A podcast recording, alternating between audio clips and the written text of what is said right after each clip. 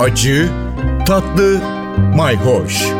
Yemek kültürü yazarı Aydın Öneytan'la bir tutam tarif, biraz da tarih. Merhabalar.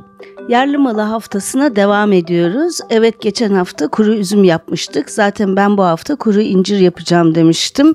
Ama yerli malı haftası deyince bütün ürünlere ve bütün Türkiye'ye yer vermek lazım kuru üzüm, kuru incir gibi değerlerimize yer vermek İzmir Ticaret Borsası'nın düzenlediği bir toplantıdan sonra aklıma düştü. Çünkü bunlar çok değerli ürünlerimiz fakat yurt dışında tam değerini bulamıyor. E, maalesef onları dökme olarak satıyoruz. Nitekim İzmir'de kuru incir üreticisi Özhan Şen'le tanıştım. Kendisi de Ticaret Borsası Yönetim Kurulu'nda. Bana öyle şeyler anlattı ki Mesela kendi tercihi Aydın'da işte belirli bir yörenin e, hafif yamacında öğleden sonra güneş görmeyen yerden toplanan incirlerden yapılan kuru inciri tercih edermiş. Çok da güzel teneke kutularda yaldızlı kağıda çikolata gibi sarılmış kuru incirleri var. Çok da lezzetli ben tattım gerçekten farkı müthiş. Fakat biz bunları yurt dışına böyle mücevher gibi kutularda çok özel bir ürün olarak satamıyoruz. Genellikle dökme olarak satılıyor.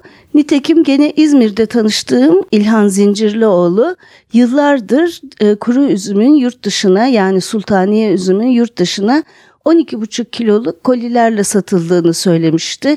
Eskiden ahşap kasada e, satılırmış. Ahşap kasada işte ahşap kasanın kıymığı, çivisi falan gibi sıkıntılar olduğu için şimdi oluklu karton kutuya geçilmiş.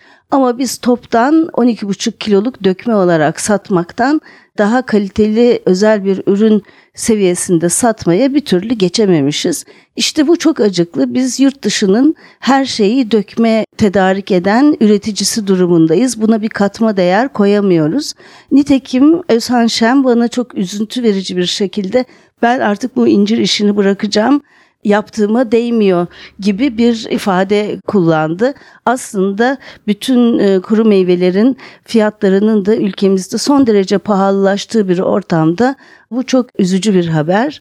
İncir dedik ama incirli bir tatlı için Kastamonu'ya kadar geldim. Terra Madre günü kutlaması için bir tarhana konuşması yapacağım.